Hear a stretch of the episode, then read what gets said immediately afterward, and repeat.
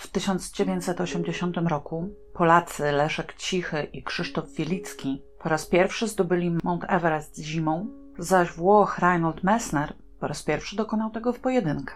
Ukazały się debiutanckie albumy zespołów U2 Boy i Iron Maiden Iron Maiden.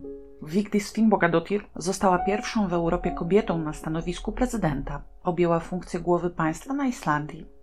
Atak armii irackiej na Iran zapoczątkował ośmioletnią wojnę iracko-irańską, pierwszy z długiej serii konfliktów zbrojnych w rejonie Zatoki Perskiej. W kinach odbyła się premiera Lśnienia Stanleya Kubricka i Imperium kontratakuje Irwina Kershnera. W Nowym Jorku Mark Chapman zastrzelił Johna Lennona, a pod Lizboną w katastrofie lotniczej zginęli premier Portugalii Francisco Sá Carneiro i minister obrony Adelino Amaro da Costa wraz z żonami, szefem gabinetu premiera i dwoma pilotami. W 1980 roku odbyły się pierwsze w historii zawody Pucharu Świata w skokach narciarskich w Zakopanem, które wygrał Stanisław Bobak. Powołano Naczelny Sąd Administracyjny, dając legalną możliwość zaskarżenia decyzji administracji państwowej. W katastrofie lecącego z Nowego Jorku samolotu PLL LOT Mikołaj Kopernik w pobliżu lotniska Okęcie zginęło 87 osób, m.in. piosenkarka Anna Jantar. Walenty Badylak, emerytowany piekarz, dokonał samospalenia na rynku w Krakowie w proteście przeciwko milczeniu na temat zbrodni katyńskiej. 1 lipca wybuchła fala strajków przeciwko podwyżkom cen mięsa, która w ciągu miesiąca objęła około 81 tysięcy osób w 177 zakładach pracy.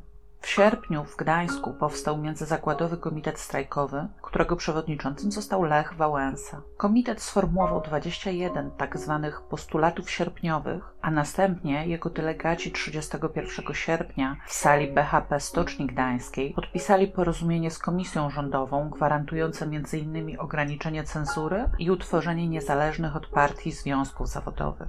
Czesław Miłosz został laureatem Literackiej Nagrody Nobla, a Stare Miasto w Warszawie zostało wpisane na listę Światowego Dziedzictwa Kultury UNESCO. W pożarze szpitala psychiatrycznego w Górnej Grupie zginęło 55 pacjentów. Na parowcu SS Sołdek, pierwszym polskim statku wybudowanym po wojnie, opuszczono banderę, a w kopalni węgla kamiennego Bełchatów rozpoczęto wydobycie. 19 sierpnia 1980 roku około godziny 4.30 rano ruch na szosie E16, dzisiejszej drodze krajowej nr 1, nie był duży. Na odcinku Toruń-Aleksandrów Kujawski widoczność była dobra, choć miejscami zalegała lekka mgła. Temperatura powietrza wynosiła 11 stopni Celsjusza. Wschód słońca miał nastąpić o godzinie 5.33. Pomiędzy Brzozą a Karczemką, po prawej, patrząc w kierunku Aleksandrowa Kujawskiego, stronie drogi, ciągnął się mieszany las. Lokalni kierowcy wiedzieli, że około 100 metrów od drogi, w lesie, znajduje się płytki wąwóz, którego dnem biegnie linia kolejowa. I właśnie jeden z lokalnych kierowców, prowadzący ciężarówkę z dostawą, usłyszał nagle przeraźliwy huk, jakby uderzenie, dobiegające od strony lasu. Zatrzymał się, nie wiedząc, co się stało, i dostrzegł ruch między drzewami. W jego stronę szło, biegło zataczało się kilka, a potem już kilkanaście zakrwawionych osób. Z ich słów zrozumiał, że w wąwozie doszło do wypadku kolejowego i potrzebna jest pomoc. Pospiesznie ruszył w kierunku brzozy, aby wezwać straż i pogotowie. Inni poszkodowani dotarli w tym czasie do mieszczących się w pobliżu zabudowań mieszkalnych, pobudzili mieszkańców i wszczeli alarm. Bardzo szybko na miejsce wypadku zaczęły zjeżdżać się wozy strażackie z całej okolicy. Okazało się wtedy, że w wąwozie doszło do zderzenia czołowego dwóch pociągów pasażerskiego i towarowego. Około 4.45 była już poinformowana milicja obywatelska. W ślad za wozami strażackimi nadciągały karetki pogotowe z Torunia, Aleksandrowa Kujawskiego i Włocławka. Na dowódcę akcji ratowniczej, która rozpoczęła się około piątej, wyznaczono komendanta wojewódzkiego Straży Pożarnej w Toruniu, pułkownika Karola Krajniaka. Pod swoją komendę otrzymał również żołnierzy Ludowego Wojska Polskiego i dwa pociągi ratownicze. Akcja od samego początku napotkała na problemy związane z ukształtowaniem terenu. Miejsce zdarzenia, jak powiedziałam, znajdowało się w wąwozie biegnącym przez las. Z żadnej strony nie było do niego dojazdu. Nie mogły więc się doń dostać dźwigi, którymi najbezpieczniej można było podnosić i rozdzielać oba składy. Dwa pierwsze wagony pociągu pasażerskiego były zniszczone i przewrócone. Z uwagi na wyciek paliwa z obu rozbitych lokomotyw, nie można było z kolei używać palników do cięcia metalu. Ciężkie dźwigi kolejowe z Bydgoszczy i Torunia sprowadzono dopiero po kilku godzinach.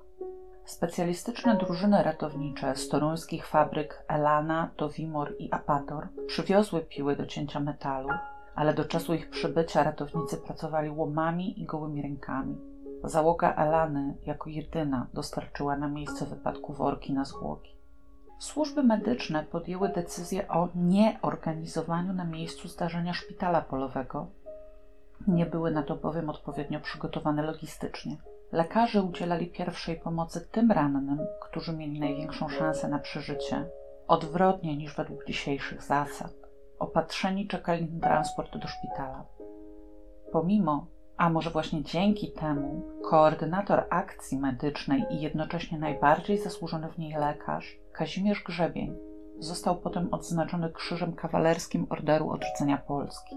Kazimierz Janicki, ówczesny naczelnik lokomotywowni Toruń-Kluczyki, przybył na miejsce krótko po pierwszym pociągu ratowniczym i tak wspomina to, co zastał. Jadąc na miejsce wypadku, wiedziałem, że są zabici i ranni, ale to, co zobaczyłem, wyglądało jak pole bitwy w filmach wojennych. Dotarło do mnie, że nasz sprzęt nie wystarczy. Potrzebne były potężne kolejowe dźwigi, bez nich nie dało się uwolnić ludzi uwięzionych w zmiażdżonych pudłach wagonów. Patrzyłem, jak przynosili kolejnych zabitych i prosiłem w myślach, aby w końcu przestali. Tam było mnóstwo dzieci i młodzieży. Udało nam się wydostać z wagonu żywą kobietę. Jeden z kolegów chciał ją zanieść do karetki. Skonała na jego rękach. Z kolei strażak Mirosław Bachor opowiadał. Ściągnięto mnie z domu. Byłem na miejscu koło szóstej. W wagonie po linoleum strumieniami płynęła krew. Łatwo się było wywrócić. Wszędzie leżały zmasakrowane ciała. Nikt z nas nie miał rękawiczek. Ratownicy zawijali ręce kawałkiem prześcieradła i po wyciągnięciu zwłok zrzucali zakrwawione płótno. Co chwila ktoś odchodził na bok. Wiadomo, żołądek nie wytrzymywał. Ciała wynosiliśmy na nasyp. Stał tam ksiądz, który słysząc o wypadku przyszedł pieszo przez las. Milczał i co jakiś czas robił znak krzyża. Księdzem tym był Ryszard Kwiatkowski, ówczesny proboszcz parafii w Otłoczynie. Opowiadał. Dowiedziałem się o wypadku dość późno. Złapałem stułę i pobiegłem. Na miejscu byłem koło jedenastej. Zrobiłem to, co mogłem. Udzielałem sakramentów. Pamiętam, że byłem nawet zły, że nikt o mnie nie pomyślał, nigdy do mnie nie zadzwonił. Oczywiście na miejsce dotarła też prasa. Jako pierwszy przyjechał fotoreporter Zbigniew Juchniewicz z toruńskiego dziennika Nowości. Tak to później wspominał. Zadzwonił do mnie redaktor naczelny, powiedział, że słyszy karetki na sygnale i że mam się dowiedzieć, co się stało. Złapałem taksówkę i pojechałem w stronę Łodzi. Tuż przed brzozą droga była zamknięta. Milicjant zapytał mnie, czy jadłem śniadanie. Wybiegając w pośpiechu nie zdążyłem, odpowiedział: W takim razie możesz iść. I miał rację. Wokół wraku leżały porozrzucane zwłoki. Ludzkie ciała zwisały z rozbitych wagonów. Na nasypie siedzieli ranni z połamanymi rękami, nogami, niektórzy chodzili szukając bliskich. Mnóstwo lekarzy, strażaków i milicjantów. Wszędzie leżały strzykawki, opakowania po środkach znieczulających i resztki opatrunków. Konduktor pociągu pasażerskiego Kazimierz Szymański tak opisał moment zdarzenia. Byłem w trzecim wagonie od końca i zacząłem sprawdzać bilety. Kasowałem właśnie bilet starszej kobiecie, kiedy wagonem uderzyło, zgasło światło, z półek posypały się torby i walizki. Myślałem, że wagon wyskoczył z szyn. Kobiety i dzieci płakały i krzyczały. Po chwili zobaczyłem, że coś się stało z lokomotywą. Nie podejrzewałem, że to czołowe zderzenie. To Szymański wskazał ratownikom, że pociąg pasażerski liczył siedem wagonów. Tymczasem z ich rachunków wynikało, że na torze stoi tylko sześć wagonów. Szymański protestował. Był pewien. W końcu ktoś przeliczył wózki podwozi wagonów. Było ich czternaście. Pierwszy wagon wraz ze wszystkimi pasażerami został sprasowany pomiędzy lokomotywą a drugim wagonem. Już nie istniał. Wreszcie straż pożarna przywiozła poduszki powietrzne, którymi można było unosić poszczególne części pociągu. Próba uniesienia przewróconego drugiego wagonu, w przedziałach którego tkwili uwięzieni pasażerowie, udała się tylko częściowo. Pozostała część nadal znajdowała się zbyt nisko. Poduszka osiągnęła już pełną wysokość, a ze środka nadal dobiegały ludzkie głosy. Strażacy gołymi rękami zaczęli podkopywać się pod wagon. Lekarz wcisnął się w podkop i złapał rękę uwięzionego pasażera. I w tym momencie ręka zwiotczała, a lekarz nie mógł już znaleźć pulsu. Dochodziła ósma rano i na nasypie leżało ponad trzydzieści ciał. Niektóre okaleczone do stanu, na który nie dawało się patrzeć. Milicjanci i żołnierze stwierdzili, że w ruinach obu pojazdów nie ma już nikogo żywego. Donosili tylko kolejne zwłoki, kiedy nagle nastąpiło poruszenie. Z doszczętnie zdruzgotanej i tylko pobieżnie sprawdzonej lokomotywy pociągu pasażerskiego rozległ się ludzki głos. Kazimierz Janicki rozpoznał głos maszynisty pociągu pasażerskiego. W kałuży paliwa wołał on, aby nie palić. Kilkunastu kolejarzy rzuciło się koledze na ratunek, za nimi biegli strażacy. Drzwi lokomotywy przestały istnieć, wejście na dachu było zablokowane. Dopiero o 8.30 kilkunastoma łomami udało się wygiąć kawał poszycia tak, aby otworzyć wąską drogę do wnętrza pojazdu. Przeszli nią Janicki i dr Cetler, podali maszyniście wodę z czajnika i pomogli mu ułożyć się na wiszących w powietrzu noszach. Maszynista zamienił z nimi kilka zdań i został zabrany karetką. Jego pomocnika nie udało się wydobyć ze szczątków pojazdu. Przeżył zderzenie, ale zmarł w trakcie akcji ratunkowej. Podobną osobą, która pierwsza usłyszała głos maszynisty, był Zbigniew Białecki, ówczesny poseł na Sejm. Przyjechał na miejsce wypadku, aby pokazać, jak władza ludowa troszczy się o obywateli, ale kiedy zobaczył rozmiar tragedii, zdjął marynarkę, owinął ręce kawałkami płótna i z jedną ze strażackich drużyn ruszył wyciągać uwięzionych pasażerów. W ostatniej kolejności ratownicy przystąpili do usuwania ciał z pierwszego wagonu. Kilku strażaków stanęło z rozciągniętą prezentową płachtą. Ich koledzy z kilkumetrowej wysokości co chwilę zrzucali kolejne ciało. Około 11 na szosie wylądował rządowy helikopter Mi-8 z pierwszym sekretarzem KCPZPR Edwardem Gierkiem, premierem Edwardem Babiuchem i wojewódzkimi władzami partyjnymi. Gierek przez chwilę porozmawiał z Edwardem Malickim, pasażerem z ostatniego wagonu, który nie odniósł żadnych obrażeń i został, aby pomóc w akcji ratowniczej. Pozostali panowie przyglądali się mordędze ratowników z bezpiecznej odległości. Dochodziła dwunasta, kiedy wreszcie zabezpieczono wszystkich rannych i ofiary i dźwigi kolejowe zaparły się swoimi łapami w ściany wąwozu, przystępując do rozrywania zwałów metalu z dwóch szczepionych ze sobą pociągów. Dopiero w trakcie tej operacji wydobyto ostatnią ofiarę. W lokomotywie pociągu towarowego odnaleziono nieprzytomnego pomocnika maszynisty. Zmarł on nie odzyskując przytomności 24 sierpnia w wojewódzkim szpitalu zespolonym w Toruniu. Wcześniej, na oczach wszystkich partyjnych dygnitarzy, z podnoszonego wagonu wypadły ciała dwóch dziewczynek. Kazimierz Janicki, naczelnik toruńskiej lokomotywowni, otrzymał polecenie zdania pierwszemu sekretarzowi sprawozdania z akcji. Wiele lat później przyznał, że kiedy podszedł do Gierka, ten mamrotał pod nosem dlaczego do tego doszło, dlaczego do tego doszło i był wyraźnie wstrząśnięty. Na widok Janickiego odwrócił się i odszedł. Nie interesowały go żadne sprawozdania. Koło południa zaczęto wywozić ciała ofiar do Torunia. W całym mieście nie było wystarczającej ilości karawanów, więc ponownie Elana podstawiła swoje zakładowe nysy, w których zwłoki układano po prostu na podłodze. Po południu na miejsce katastrofy dostarczono gorący posiłek, kotły kiełbasy i kaszanki. Jedli tylko nieliczni. Większość wyczerpanych strażaków, żołnierzy, milicjantów i lekarzy siedziała po prostu na nasypie w pokrwawionych ubraniach. Informację o katastrofie niemal od razu podało polskie radio. Chyba po raz pierwszy w historii PRL nie próbowano ukryć faktu zaistnienia katastrofy przed opinią publiczną. Dzięki temu do punktów krwiodawstwa w całym kraju mogli masowo zgłaszać się chętni. Tylko w Toruniu zabrano 150 litrów krwi. Zbigniew Juchniewicz z toruńskich nowości zdziwił się nawet, że cenzura puściła następnego dnia cały jego artykuł. Natomiast niebieska szata graficzna dziennika została zmieniona na czarną. Ponieważ na wybrzeżu przebywało sporo zagranicznych dziennikarzy relacjonujących sytuację strajkową, wiadomość o katastrofie szybko powtórzyły też zagraniczne media. Władze nie próbowały temu przeciwdziałać, ale z drugiej strony nie zadecydowały też o wprowadzeniu żałoby narodowej. Jedynie w Toruniu na dwa dni odwołano wszystkie imprezy publiczne i zamknięto lokale rozrywkowe. Łączna ilość ofiar katastrofy pod Otłoczynem wyniosła 67 zabitych, w tym dwoje zmarłych w szpitalu, oraz 64 rannych.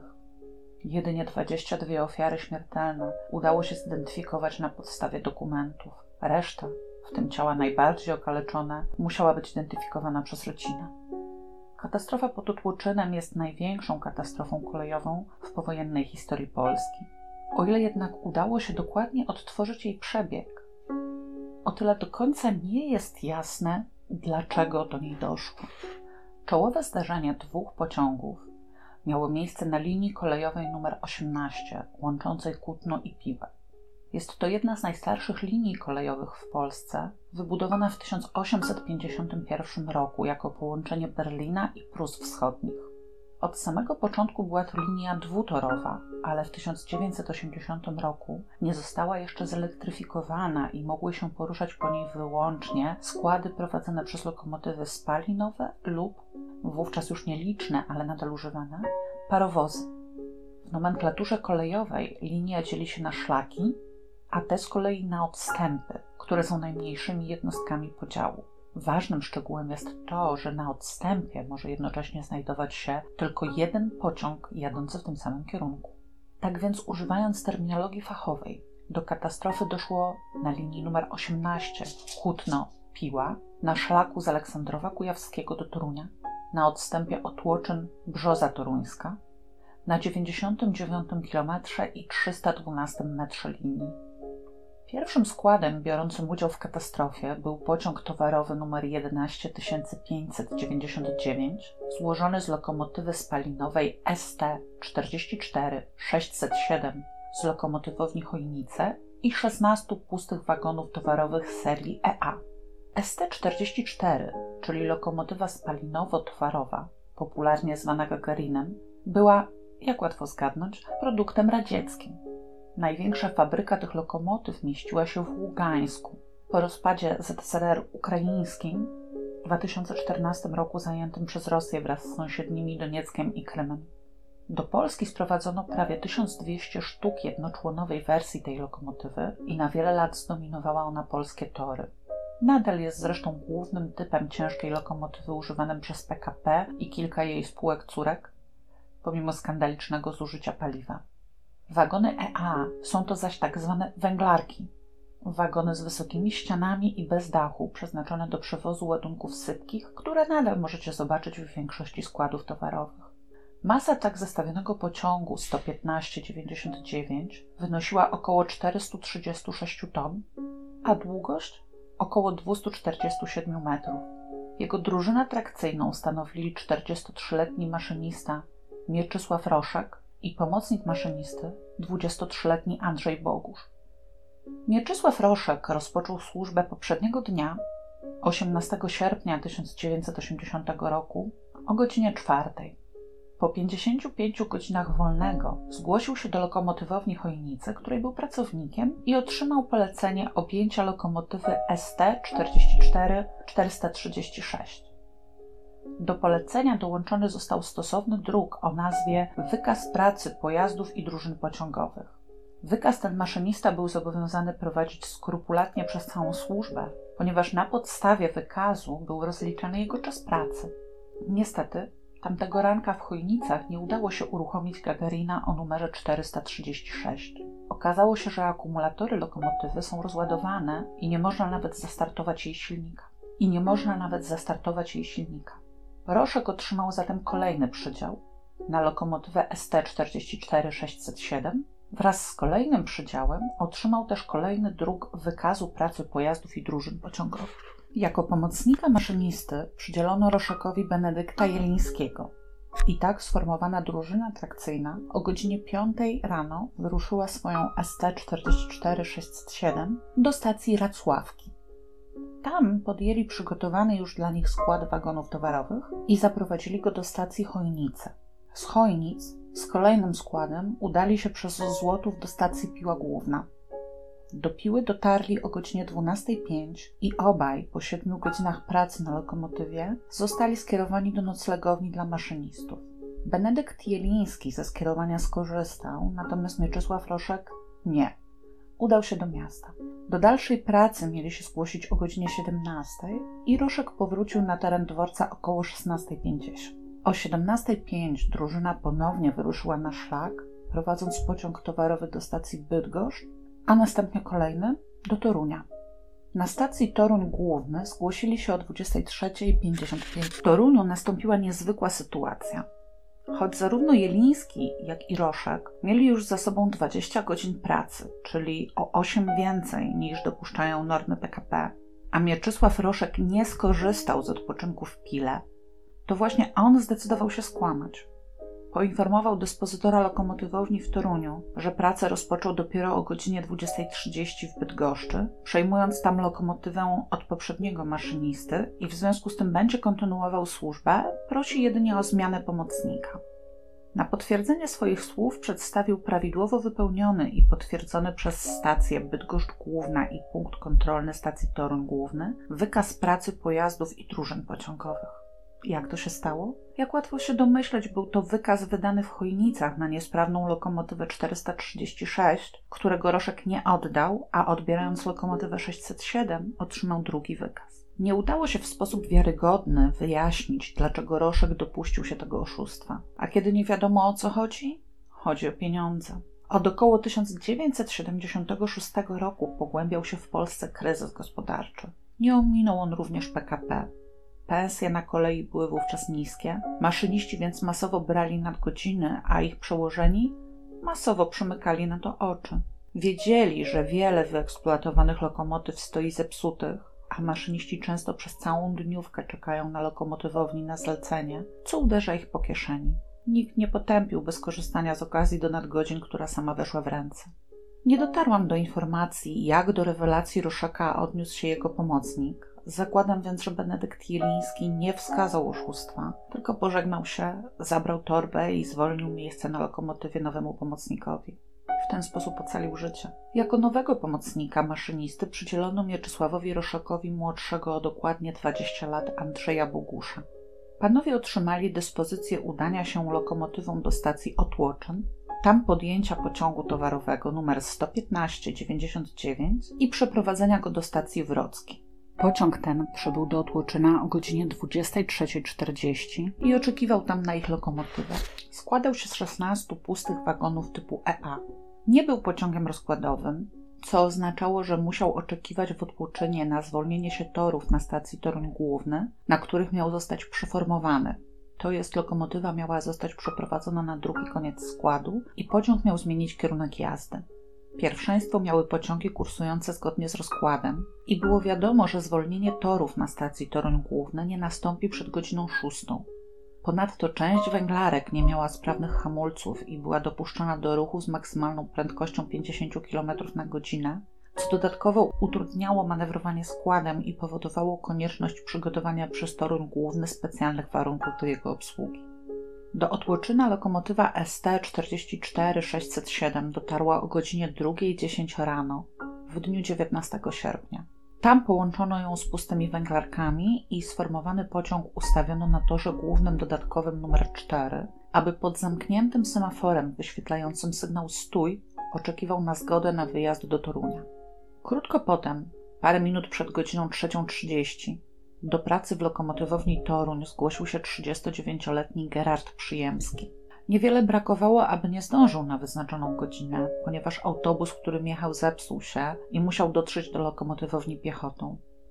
Po dotarciu otrzymał przydział na lokomotywę SP 45-160. Była to pasażerska lokomotywa spalinowa polskiej konstrukcji od marki zastosowanego w niej silnika zwana potocznie Fiatem.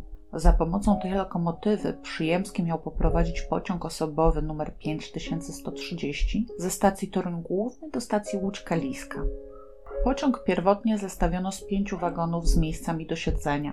Wagonów 101A zwanych ryflakami dla klasy drugiej i wagonu 111AW dla klasy pierwszej. Drużyna trakcyjna otrzymała polecenie oczekiwania na pociąg z koło brzegu, z którego zostaną przepięte dodatkowe dwa wagony z miejscami do leżenia. Tak zestawiony skład miał mieć około 452 ton masy i około 190 metrów długości. Oprócz Przyjemskiego w skład jego drużyny trakcyjnej wszedł drugi maszynista, 28-letni Józef Głowiński, a drużynę konduktorską stworzyli 54-letni kierownik pociągu Henryk Różański oraz konduktor rewizyjny Kazimierz Szymański. W większości materiałów dotyczących katastrofy, w tym również tych oficjalnych, pociąg 5130 jest określany jako osobowy. Nie wydaje mi się, aby było to zgodne z prawdą. Pociąg osobowy ma najmniejszą prędkość rozkładową i zatrzymuje się na wszystkich stacjach, z reguły też prowadzi wyłącznie wagony drugiej klasy.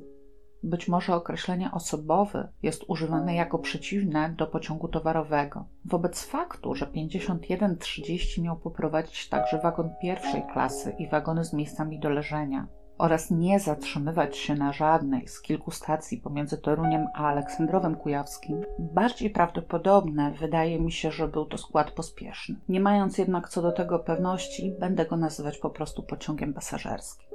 Rozkładowo pociąg z Kołobrzegu powinien przyjechać do Torunia o 3.14, a pociąg do Łodzi odjechać o 3.37. Niestety, pospieszny z Kołobrzegu miał spóźnienie. W końcu około czwartej nadjechał, ale do 5.130 trzeba było jeszcze przetoczyć dwa ostatnie wagony, którymi dzieci wracały z kolonii nad morzem. Wagony te dołączono na szczęście na końcu składu. Pozostali pasażerowie, którzy chcieli skorzystać z przesiadki do Łodzi, mając świadomość opóźnienia swojego pociągu, masowo wsiadali do pierwszego i drugiego wagonu i dopiero potem przechodzili do dalszych. Ponieważ w ten sposób dosiadło się sporo osób, w pierwszym i drugim wagonie powstało zamieszanie utrudniające przemieszczanie się. Kazimierz Szymański powie potem, że kiedy tuż przed katastrofą sprawdzał bilety, w piątym wagonie było zaledwie 15 osób. Wreszcie o godzinie 4.18 opóźniony pociąg pasażerski z Torunia Głównego do Łodzi Kaliskiej ruszył. Ponieważ najbliższe zatrzymanie miało nastąpić dopiero w Aleksandrowie Kujawskim, rozwinął prędkość 88 km na godzinę, mając zgodę na jazdę do 90 km na godzinę. Tak wysoka prędkość była zupełnie zrozumiała. Miał do nadrobienia prawie godziną opóźnienia. Zanim przejdę do dalszych wydarzeń, chciałabym Wam przybliżyć ważne pojęcie, jakim jest droga przebiegu. Otóż w obrębie każdego posterunku kolejowego, dla każdego przejeżdżającego przezeń pociągu, odpowiednio wcześniej personel posterunku przygotowuje taki układ torów i urządzeń torowych, który pozwoli pociągowi przejechać posterunek w sposób maksymalnie bezpieczny. Dla każdego pociągu droga przebiegu jest przygotowywana indywidualnie, ponieważ musi uwzględniać także zmienne warunki pogodowe, prace remontowe i inne nieprzewidziane wypadki w obrębie posterunku. W wypadku pociągu 5130 droga przebiegu przez stację Toruniem a Aleksandrowem Kujawskim najprawdopodobniej zakładała przejazd przez nie bez zbytniego ograniczenia prędkości, tak więc w jej ramach tory musiały być zabezpieczone także przed ewentualnym wtargnięciem pod jadący pociąg. Około godziny 4.20 towarowy 115-99, który powinien oczekiwać w Otłoczynie, ruszył. Pomimo wciąż widniejącego na semaforze znaku stój, rozprół zwrotnicę i wyjechał na szlak. Zwrotnica jest to element torowiska używany do przekierowywania pojazdu z jednego toru na drugi. Składa się z dwóch szyn nieruchomych, i dwóch ruchomych, których zmiana położenia skutkuje zmianą kierunku ruchu pojazdu. Jeśli zamyka kierunek jazdy, a mimo to pojazd przejedzie w tym kierunku, co potocznie nazywa się właśnie rozpruciem, dochodzi do uszkodzenia zwrotnicy. Właśnie takie uszkodzenie spowodował 11599. Po wyjeździe znalazł się na torze numer 2. Patrząc w stronę Torunia, lewym. Ponieważ na torach również obowiązuje ruch prawostronny, towarowy wyjechał pod prąd, na niewłaściwy tor, ten, którym poruszały się pociągi nadjeżdżające od strony Torunia. Ponieważ Otłoczyn dysponował automatycznymi urządzeniami regulującymi ruch w, obręb w obrębie stacji, fakt rozprucia przez towarowy zwrotnicy został natychmiast zasygnalizowany na tablicy w nastawni wykonawczej. Nastawnicza Zofia Wróblewska Początkowo nie mogła zrozumieć, co się stało. Dopiero kiedy przed jej oknami przejechał pociąg towarowy, zawiadomiła o tym dyżurnego ruchu na stacji w Otłuczynie Jana Woźniaka. Woźniak zrozumiał powagę sytuacji, ponieważ miał świadomość, że na torze drugim za kilka minut pojawi się pasażerski do Łodzi. Niezwłocznie zadzwonił na posterunek odstępowy w Brzozie Toruńskiej. Za późno. przerażona dyżurna z brzozy Urszula Tulimowska. Krzyknęła, że właśnie dała łodzi zieloną latarką sygnał droga wolna. W 1980 roku na lokomotywach nie było urządzeń radiotelefonicznych. Owszem, po katastrofie we Wrocławiu w 1977 w rejonie stacji Psiepole zapadła decyzja, aby na lokomotywach zainstalować łączność radiotelefoniczną. Zakupiono nawet niezbędne do tego celu urządzenia, które dodatkowo miały być wyposażone w system radiostop, czyli możliwość nadania sygnału radiowego, po odebraniu którego wszystkie pociągi w jego zasięgu automatycznie się zatrzymują. Instalację łączności rozpoczęto jednak dopiero w 1981 roku, po katastrofie w Osiecku, w wyniku której śmierć poniosło 25 osób. W 1980 nie było żadnej możliwości, aby skontaktować się z załogą pędzącej ponad 80 km na godzinę lokomotywy i przekazać jej ostrzeżenia. Owszem, dyżurni dysponowali metodami zatrzymania pociągu. W tym celu można mu było podać sygnał nie zieloną, ale czerwoną latarką, zaś w ciągu dnia żółtymi chorągiewkami. Można było zadąć trzy razy w trąbkę. Można było rozłożyć na torach spłonki, aby przejazd lokomotywy spowodował ich wybuch. Wszystkie te sygnały były jak najbardziej przewidziane w regulaminach PKP. Każdy z nich jednak mógł być zastosowany wyłącznie w sytuacji, w której skład mija posterunek kolejowy. Zaś następnym na trasie pociągu pasażerskiego posterunkiem był dopiero Otłoczyn, z którego właśnie dzwonił Jan Woźniak z informacją o wtargnięciu towarowego na niewłaściwy tor. Po około 6 minutach od wyruszenia przez towarowe ze stacji w Otłoczynie i około 2 minutach od minięcia przez pasażerski posterunku w Brzozie, maszyniści obu składów znaleźli się w odległości 150 metrów od siebie i nawiązali kontakt wzrokowy. Gerard Przyjemski z pasażerskiego w pierwszej chwili nie zorientował się w sytuacji, ponieważ lokomotywa towarowego była normalnie oświetlona trzema białymi światłami. Lokomotywa poruszająca się po niewłaściwym torze powinna nieść dwa światła białe i jedno czerwone. Kiedy Przyjemski zdał sobie sprawę, że jedzie na czołowe zderzenie, było już za późno na ratunek. Rozpoczął hamowanie na 8 sekund przed katastrofą i wraz ze swoim drugim maszynistą, Józefem Głowińskim, rzucili się do ucieczki. Na jego szczęście zdążył dostać się do wąskiego korytarza do przedziału maszynowego, najodporniejszego na zgniatanie miejsca lokomotywy. Natomiast Mieczysław Roszek z towarowego, momentalnie po ujrzeniu świateł pasażerskiego, nacisnął hamulec. Mogło to świadczyć o tym, że miał świadomość, że jego pociąg porusza się po niewłaściwym torze.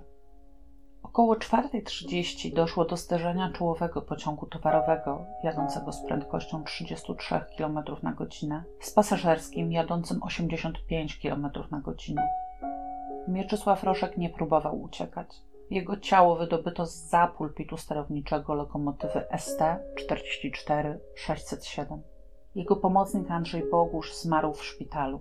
W drużynie pociągu pasażerskiego natomiast śmierć na miejscu ponieśli drugi maszynista Józef Głowiński i kierownik składu Henryk Różański.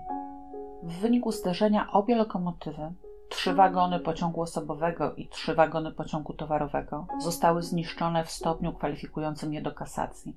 W wyniku zakleszczenia taboru zatarasowane i uszkodzone zostały oba tory. Do wyjaśnienia przyczyn katastrofy zostały powołane dwie niezależne komisje. Jedna rządowa, druga z ramienia PKP. Dodatkowo swoje śledztwo wszczęła również prokuratura wojewódzka w Toruniu. Niestety nie dysponuję informacją, która czynność została zlecona do którego postępowania, dlatego pozwólcie proszę, że omówię je w losowej kolejności. Analiza rejestratorów pracy na lokomotywie ST-44-607, takich pociągowych czarnych skrzynek, wykazała, że po odjeździe z Otłoczyna pociąg towarowy był prowadzony z pełną świadomością. Na odcinku około 1800 metrów prędkość składu wzrosła od 0 do 42 km na godzinę. Przez następne 900 metrów utrzymywała się w przedziale 40-42 km na godzinę, a na ostatnich 150 metrach została gwałtownie zmniejszona do 33 km na godzinę. Zmniejszenie mocy lokomotywy po osiągnięciu założonej prędkości i utrzymywanie jej wskazywało na w pełni świadome manewrowanie nastawnikiem. Tę tezę potwierdzała także prawidłowa obsługa przyrządów w obrębie pulpitu lokomotywy, która również została odnotowana przez urządzenia pomiarowe. Ponadto w dniu 23 sierpnia w porze nocnej przeprowadzono eksperyment procesowy polegający na odtworzeniu ostatniej drogi pociągu 115-99 przez taki sam skład prowadzony przez taką samą lokomotywę i w pełni potwierdził on ustalenia wynikłe z analizy rejestratorów.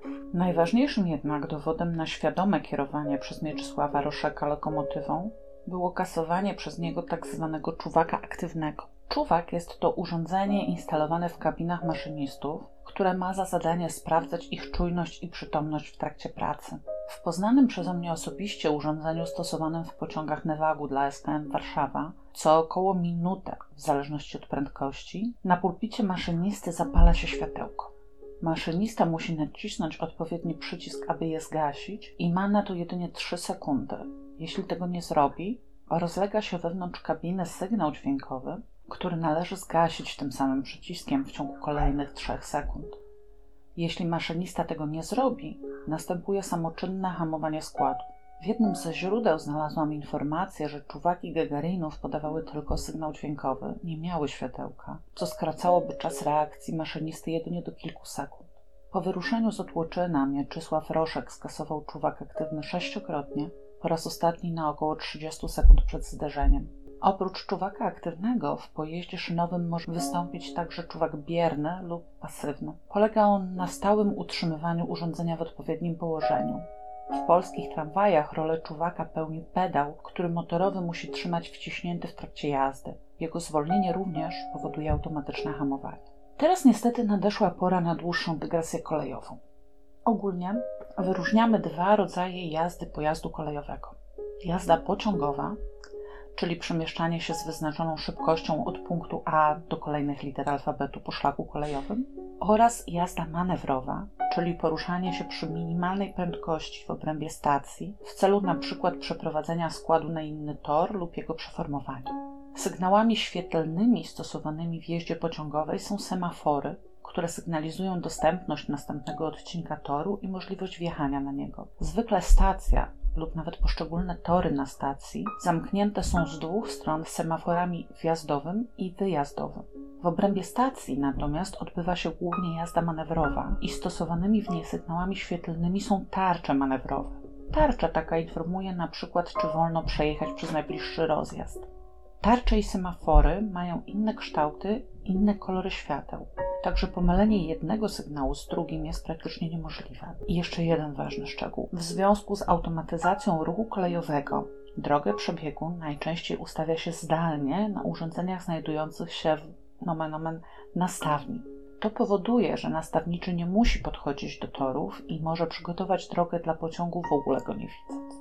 Czekający na torze czwartym pociąg 115-99 mógł ruszyć dopiero po podaniu odpowiedniego sygnału przez semafor wyjazdowy z toru. Otłoczyn miał właśnie takie semafory, a dalej semafor wyjazdowy ze stacji.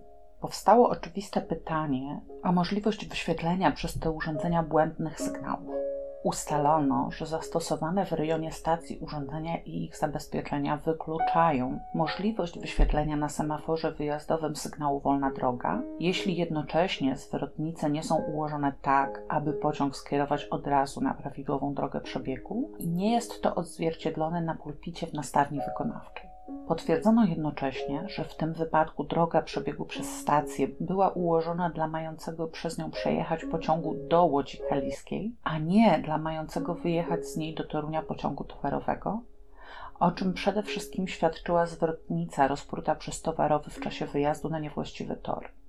Badania mechanoskopijne pozwoliły odtworzyć jej pierwotne położenie, zamknięcie wyjazdu z toru czwartego na szlak. Od razu, 19 sierpnia, przeprowadzono oględziny urządzeń na stawni wykonawczej stacji Otłoczyn i stwierdzono, że działają one prawidłowo i że nie były podejmowane żadne próby dostania się do nich z zewnątrz lub uszkodzenia w celu ewentualnej zmiany sygnalizacji semaforu.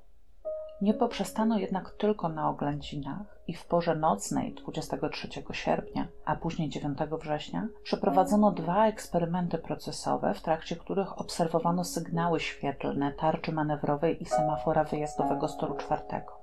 W trakcie tych eksperymentów ustalono, że przysłony latarniowe są zamontowane prawidłowo i nie mają żadnych usterek technicznych, a co za tym idzie, niemożliwe jest pomylenie światła czerwonego na semaforze i błękitno-fioletowego na tarczy, które wskazywały na zakaz jazdy, ze światłami zielonym i pomarańczowym, które na jazdę by zezwalały.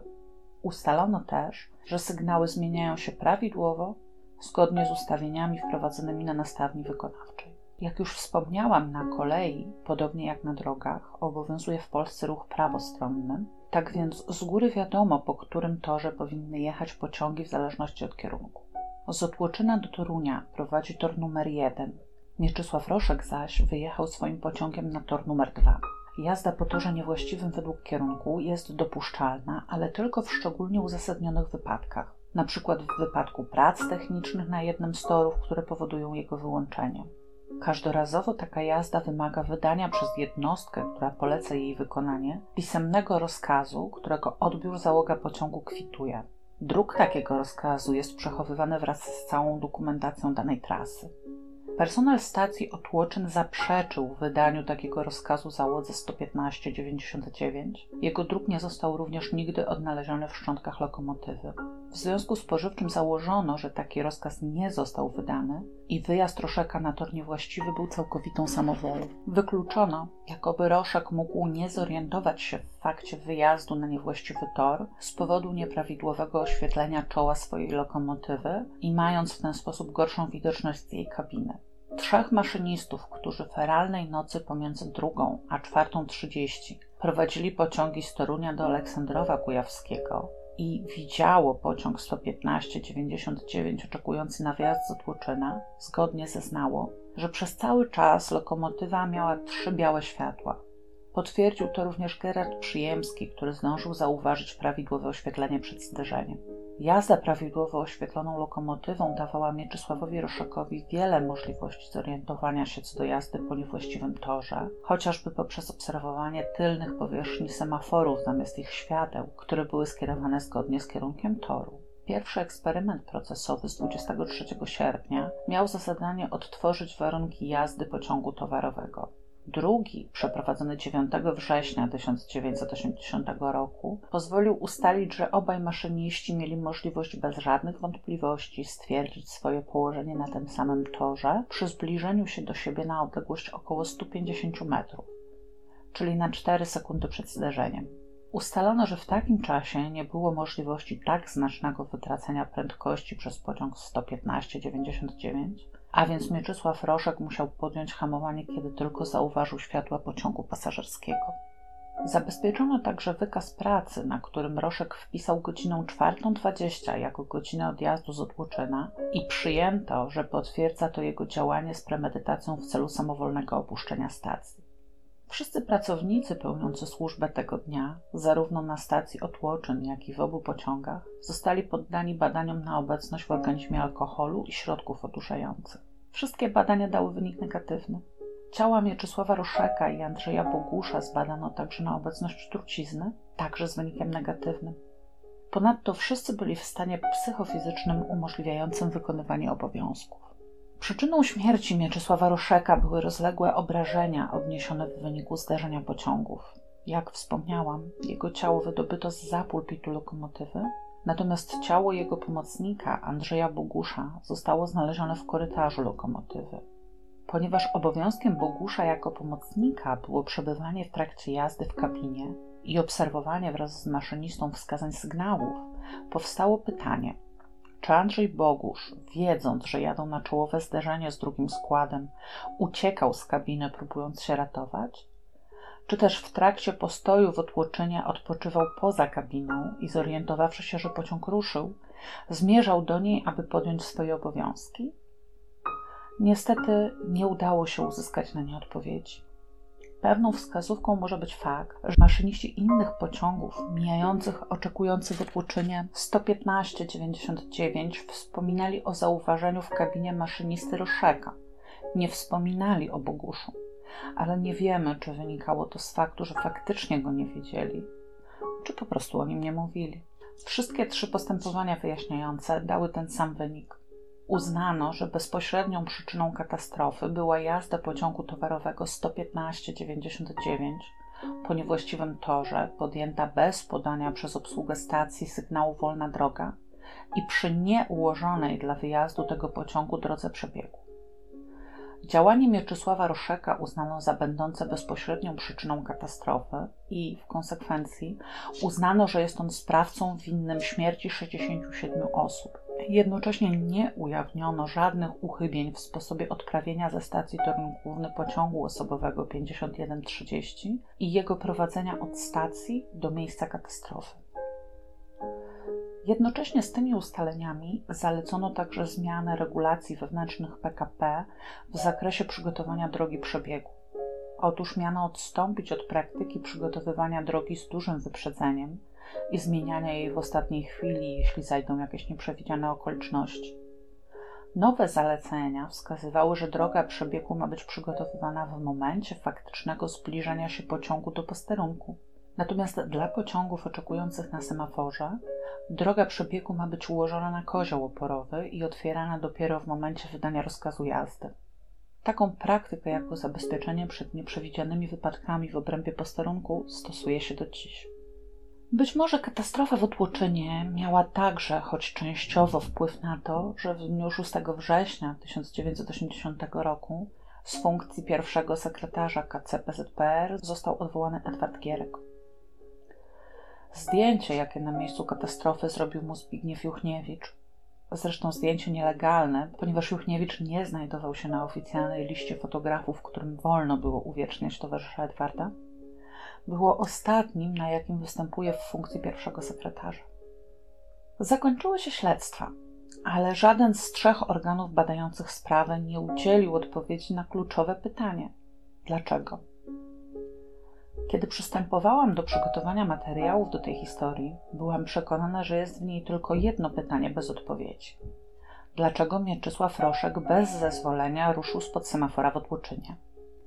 Tymczasem, ku swojej wielkiej radości, tak, znalezienie faktu, który był mi wcześniej nieznany, wywołuje u mnie ogromną radość, natknęłam się na jeszcze jedno pytanie, na które przez lata najprawdopodobniej udzielano zupełnie błędnej odpowiedzi. Dlaczego Roszek zdecydował się sfałszować wykaz pracy i pełnić służbę daleko poza granicę wytrzymałości ludzkiego organizmu? Przyjęło się uważać, że chciał po prostu więcej zarobić, a że udało mu się zatrzymać wykaz wydany na niesprawną lokomotywę, postanowił skorzystać z okazji. Tymczasem Jonasz Przybyszewski, szukając materiałów do swojej pracy magisterskiej, którą poświęcił katastrofie pod Otłoczynem, dotarł do zaskakujących informacji na temat wydarzeń, jakie miały miejsce 19 sierpnia na terenie lokomotywowni Piła Główna. Całą wypowiedź Jonasza wraz z informacjami o jego książce, która ma się wkrótce ukazać, znajdziecie w filmie, który linkuję Wam w źródłach. Otóż, według tych ustaleń, prawdopodobnie poczynionych w oparciu o protokoły przesłuchań świadków. Dla załogi lokomotywy 607 był zaplanowany z Piły kurs powrotny do Chojnic, ale został on odwołany, ponieważ nie dostarczono ładunku, który miał zostać przewieziony. Mieczysław Roszek dowiedział się o tym, powróciwszy po czasie wolnym z miasta do lokomotywowni i w związku z odwołaniem pociągu, który miał prowadzić, Poprosił o zgodę na powrót pustym kursem do Chojnic, ponieważ jego i jego pomocnika dniówka zbliżała się do końca.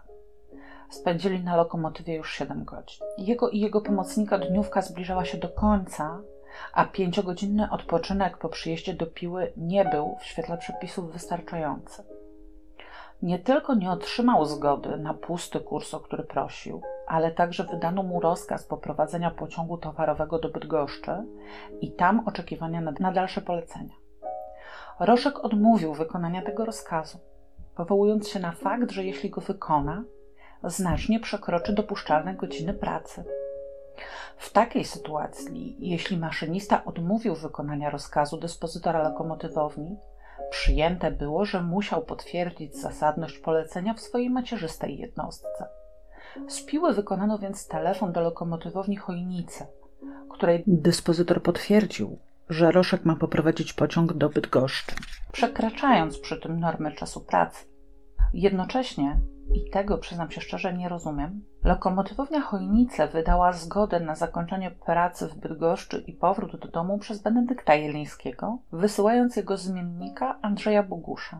Na skutek jakichś drobnych kłopotów po drodze Bogusz nie zdążył spotkać się z drużyną w Bydgoszczy i na własną już rękę jechał za nimi do Torunia. Dopiero tam zmiana pomocnika doszła do skutku. Mało tego, w Toruniu, w związku ze zmianą pomocnika, Mieczysław Roszek otrzymał trzeci kolejny wykaz pracy pociągów i drużyn pociągowych i zgodnie z zasadą, że nowy pomocnik to i nowa drużyna trakcyjna, zaczął go prowadzić równolegle do wykazu na niesprawną lokomotywę 436, którego prowadzenie rozpoczął w Bydgoszczy, zaprzestając wtedy prowadzenia pierwszego wykazu. Dlaczego? Przecież nie wykonywał tak zwanej lewizny. Nie był na nielegalnych nadgodzinach, tylko wykonywał najzupełniej legalne, choć niezgodne z regulaminem pracy na kolei, polecenie z lokomotywowni Piła, potwierdzone przez jego macierzystą jednostkę. Skoro tak, wydaje się, że sfałszowane dokumenty potwierdzające krótszy czas pracy nie były mu do niczego potrzebne. Dlaczego więc je wypełnił? Być może chciał, żeby dyżurni lokomotywowni w Bydgoszczy, a potem w Toruniu, zwrócili uwagę na to, że numer na wykazie nie odpowiada numerowi na burcie lokomotywy, zażądali wyjaśnień i nakazali mu przerwanie jazdy i powrót do domu, którego najwyraźniej chciał. Szczerze mówiąc, właśnie wymyśliłam tą teorię, ale powiedzcie, czy nie jest całkiem prawdopodobna? Niestety, Roszek się zawiódł. Na obu stacjach potraktowano przedstawione przez niego dokumenty jak coś oczywistego. Nie zwrócono żadnej uwagi na ich treść i podbito je normalnie, tak jakby wszystko się ze sobą zgadzało, umożliwiając mu dalszą jazdę. Nadal wydaje mi się, że odpowiedź na sporo pytań może znać Benedykt Jeliński. Nie udało mi się jednak znaleźć informacji o treści jego zeznań na temat jazdy z ruszekiem z Piły do Torunia. W każdym razie, w świetle ustaleń poczynionych przez Jonasza, wyłączna odpowiedzialność Mieczysława Roszeka za katastrofę przestaje być tak oczywista. Skoro wiemy już, że to nie z własnej woli doprowadził się do stanu przemęczenia, w którym jego organizm mógł reagować w sposób bardzo nietypowy. Ale dlaczego wyjechał na zajęty tor? W tej sprawie mamy kilka miejskich legend, jedno przypuszczenie i trzy całkiem prawdopodobne teorie.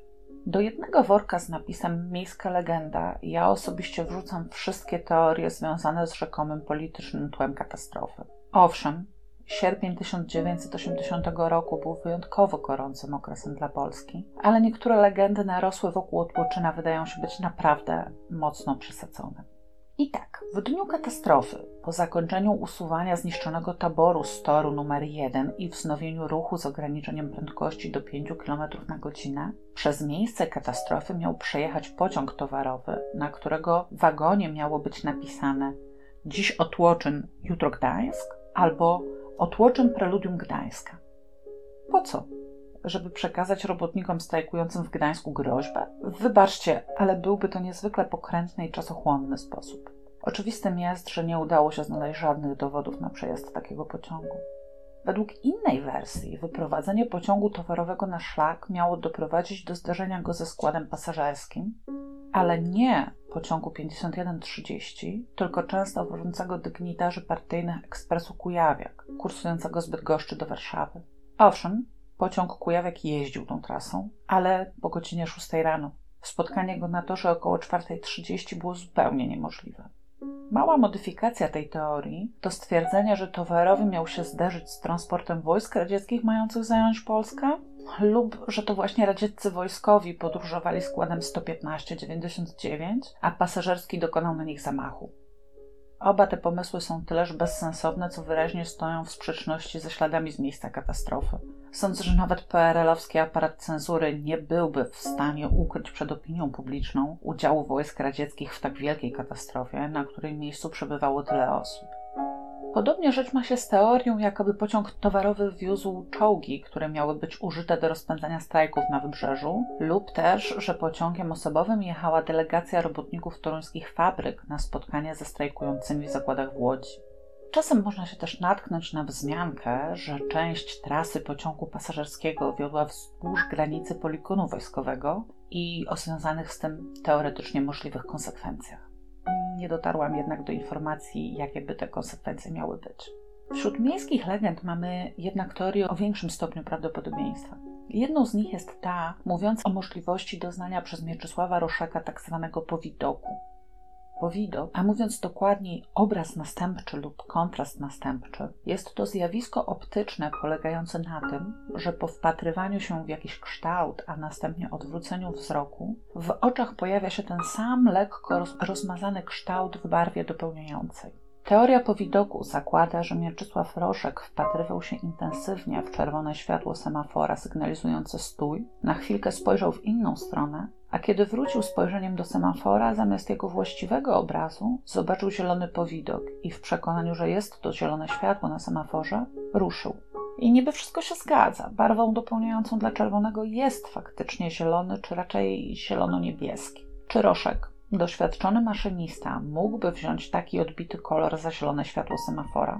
Czy nawet będąc w stanie przemęczenia wywołanym 25 godziną pracy, mógł potraktować zamazany, niepewny, szybko znikający obraz po widoku jako faktyczne światło semafora? Nie wiem jak wam. Mnie kilkakrotnie zdarzyło się doznać po widoku i nie widzę możliwości pomylenia tego efektu z realnym światłem. Z tego powodu teorię o powidoku umieszczam po stronie mniej prawdopodobnej. Po stronie bardziej prawdopodobnej chciałabym z kolei wskazać teorię trzeciej osoby. Zakłada ona, że na oczekującą lokomotywę 607 dostała się osoba bądź osoby trzecie, które steroryzowały drużynę i zmusiły do jazdy, a przed samym zdarzeniem uciekły z lokomotywy. Jednakże Łatwiej powiedzieć, gorzej zrobić. Przed samym zdarzeniem pociąg towarowy jechał z prędkością 33 km na godzinę, co daje trochę ponad 9 metrów na sekundę. Przy tej prędkości wyskakiwanie z jadącego składu nie rokuje najlepiej możliwości dalszej ucieczki. Grawitacja ma swoje prawa. Trudno poruszać się sprawnie po takim upadku. Jednakże ta teoria ma naprawdę sporo zwolenników, zwłaszcza, o dziwo, wśród kolejarzy. Wielkim jej wyznawcą jest na przykład Jan Woźniak, dyżurny ruchu ze stacji Otłoczyn Tragicznej Nocy. Do tego jeszcze wrócę. Natomiast w 30. rocznicę katastrofy wywiadu ekspresowi bydgoskiemu udzieliła Stanisława Kaźmierczak, która 19 sierpnia pełniła służbę kierownika pociągu z Kutna do Torunia. W związku z katastrofą jej pociąg został zatrzymany w Aleksandrowie Kujawskim i tam rozmawiała z maszynistą pociągu z Krakowa do Olsztyna, który mijał stojący w Otłoczynie pociąg 115-99 na kilka minut przed katastrofą i zapewniał ją, że na oświetlonej lokomotywie widział trzy osoby. Na kolei mówiło się również o śladach gazu paraliżująco łzawiącego, zabezpieczonych we włosach drużyny pociągu towarowego. Jakiś czas później Stanisława była na imieninach koleżanki, której mąż był pułkownikiem Ludowego Wojska Polskiego. Podobno, gdy towarzystwo spożyło już trochę alkoholu, jeden z gości miał przyznać, że o tej porze, co pociąg pasażerski, miał jechać radziecki transport wojskowy przygotowywany do odprawienia ze stacji w Toruniu. A gdyby to on uległ katastrofie, pół województwa poszłoby z dym. Być może Stanisława faktycznie z kimś rozmawiała, ale czy ten ktoś powiedział jej prawdę? Czy faktycznie na kilka minut przed katastrofą widział na stojącej w odpoczynie lokomotywie trzy osoby, skoro maszynista innego pociągu zeznał, że o 3.45 widział tam wyłącznie Mieczysława Roszeka, którego rysopis podał? Możecie powiedzieć, pewnie, terrorysta dostał się na lokomotywę po godzinie 3.45, nie musiał tam siedzieć całą noc. Ale jak wobec tego do zeznania o trzech osobach na lokomotywie odnieść fakt znalezienia Andrzeja Bogusza poza lokomotywą? Można go wyjaśnić chyba tylko tym, że Mieczysław Roszek w ostatniej chwili kazał Boguszowi uciekać. Ale czemu wobec tego Bogusz również nie skoczył z lokomotywy?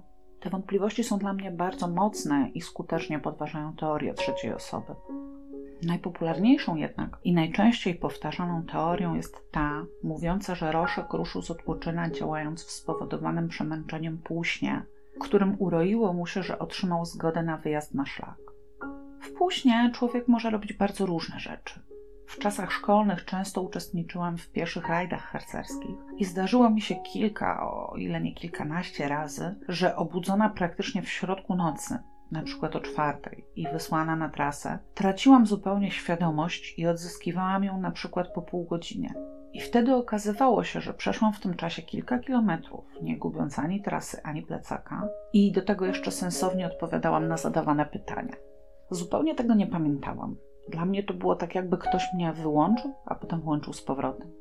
Byłabym więc w stanie zupełnie spokojnie przyjąć wersję mówiącą o tym, że Mieczysław Roszek ocknął się. W półśnie zwidziało mu się na semaforze oczekiwane zielone światło i podjął odpowiednie czynności, które umiał wykonać zupełnie odruchowo.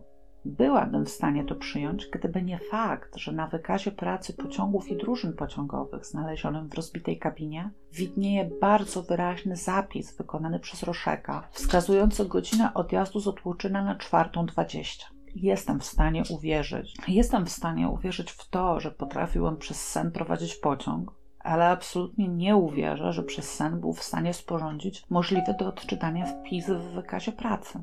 Opieram się znowu na własnym doświadczeniu. Chyba w drugiej klasie liceum zdarzyło mi się mieć wspaniały plan lekcji przewidujący historię na tak zwanej zerowej godzinie lekcyjnej, która w mojej szkole zaczynała się o 7.20. Dociekliwym od razu wyjaśnię, że pierwsza lekcja zaczynała się nie o 8, a o 8.15, żeby ułatwić uczniom dojazd. Zasypiałam mniej więcej na co drugiej lekcji, a mając już harcerskie doświadczenie z chodzeniem przez sen, jak najbardziej próbowałam robić notatki przez sen. Owszem, ręka prowadziła długopis po kartce. Wychodziły z tego szlaczki niebezpiecznie podobne do stada pijanych żmij, mniej więcej takim samym zygzakiem sunące przez kartkę. Moim zdaniem, aby sporządzić czytelny zapis w wykazie pracy, Roszek musiał być przytomny. I powoduje to, że również tę wersję odrzucę. I tu moglibyśmy zakończyć. Ale jak już wiecie, życie czasem dopisuje nieoczekiwane epilogi. Szukając materiałów do odcinka, zwykle zaglądam w każdy z zakamarek internetu, jaki tylko zaproponuje mi przeglądarka. Tak było i tym razem. Na szczęście. Ponieważ na forum infokolej.pl znalazłam wpis użytkownika o dźwięcznym niku Wykolejeniec, który wywraca na lewą stronę całe dotychczasowe myślenie o katastrofie w Otłuczynie. Pozwólcie, że zacytuję, oczywiście omijając specjalistyczny język kolejowy. A może było bardzo prosto. Dyżurny. Pani Zosiu, 51.30 opóźniony, pojedziemy tego towarowego. Daję nakaz. Pani ułoży drogę i poda wyjazd, dobrze? Nastawnicza. Dobrze. Po jakimś czasie. Dyżurny. Pani Zosiu, z Brzozy dzwonili, że osobowy jedzie. Nastawnicza. Panie Janku, jest problem. Ci w towarowym pewnie śpią, bo jeszcze nie wyjechali. Dyżurny. Hmm, trzeba by odwołać wyjazd. Niech pani tak zrobi, ale delikatnie, żeby nie było nic znać. Wie pani, jak jest ten nasz kontroler. Wszystkiego się czepia. Pojedziemy 51.30, po osobowym pomyślimy, co zrobić ze 115.99. Może jak koło tych śpiochów zrobi się trochę hałasu, to się obudzą. Nastawnicza. Będzie bez żadnego śladu, panie Janku. Po chwili. Nastawnicza. Panie Janku, panie Janku, nie wiem jak to się stało, ale w czasie, kiedy rozmawialiśmy, 115.99 ruszył. Cofnęłam mu wyjazd, ale pewnie był już za blisko semafora i nie zauważył. Akurat ułożyłam drogę dla wjazdu, kiedy zobaczyłam, że jest tuż przy nastawni. Chciałam mu kiwnąć na stój, ale latarnia nie świeci. Panie Janku, on jedzie po niewłaściwym, co robić? Dyżurny. Cholera, dzwonię do brzozy. Wydaje mi się, że ta teoria jest najbardziej kompletna ze wszystkich, jakie znam. Załóżmy, że Roszek obudził się, zobaczył pożądany sygnał na semaforze, ucieszył się, wykonał wpis w wykazie pracy i przełożył nastawnik. Być może odwrócił się jeszcze, aby zawołać śpiącego w tylnej części lokomotywy Bogusza. I właśnie w tym momencie sygnał na semaforze zmienił się z powrotem na stój, czego Mieczysław Roszek już nie mógł zauważyć. W trakcie jazdy zorientował się, że jest na niewłaściwym torze, ale przekonany, że działa zgodnie z poleceniem jazdy i nie mając żadnej możliwości zgłoszenia tego, kontynuował jazdę aż do momentu zobaczenia świateł lokomotywy pasażerskiego. Wtedy wiedząc, że jest na niewłaściwym torze, od razu zaczął hamować. Dyżurny i nastawnicza mieli świadomość, że ponoszą odpowiedzialność za śmierć prawie 70 osób i dlatego milczeli. To znaczy, milczała Zofia Wróblewska, natomiast Jan Woźniak, żeby odsunąć podejrzenia od siebie, opowiadał, że na lokomotywę składu 115-99 na pewno dostała się osoba trzecia. Oczywiście to też nie jest wersja idealna, nie wyjaśnia bowiem, dlaczego towarowy, oczekujący na wolny tor na stacji Toruń Główny, co nie miało się wydarzyć przed szóstą, mógł zostać odprawiony z Otłoczyna już po czwartej. Nie znalazłam informacji, że stacja Otłoczyn otrzymała z Torunia sygnał, że tory zwolniły się wcześniej. Ale nie znalazłam także informacji, że takiego sygnału nie otrzymała. Albo że dyżurni nie porozumieli się między sobą co do innego sposobu przeformatowania pociągu, na przykład dla zaoszczędzenia czasu. Nie wiem, czy istnieje jeszcze jakakolwiek możliwość pewnego ustalenia, dlaczego na 99 km i 312 metrze linii na odstępie od Łuczyna do Brzozy Toruńskiej poniosło śmierć 67 osób. Dziś ich pamięci strzeże pomnik ustawiony na nasypie nad miejscem katastrofy.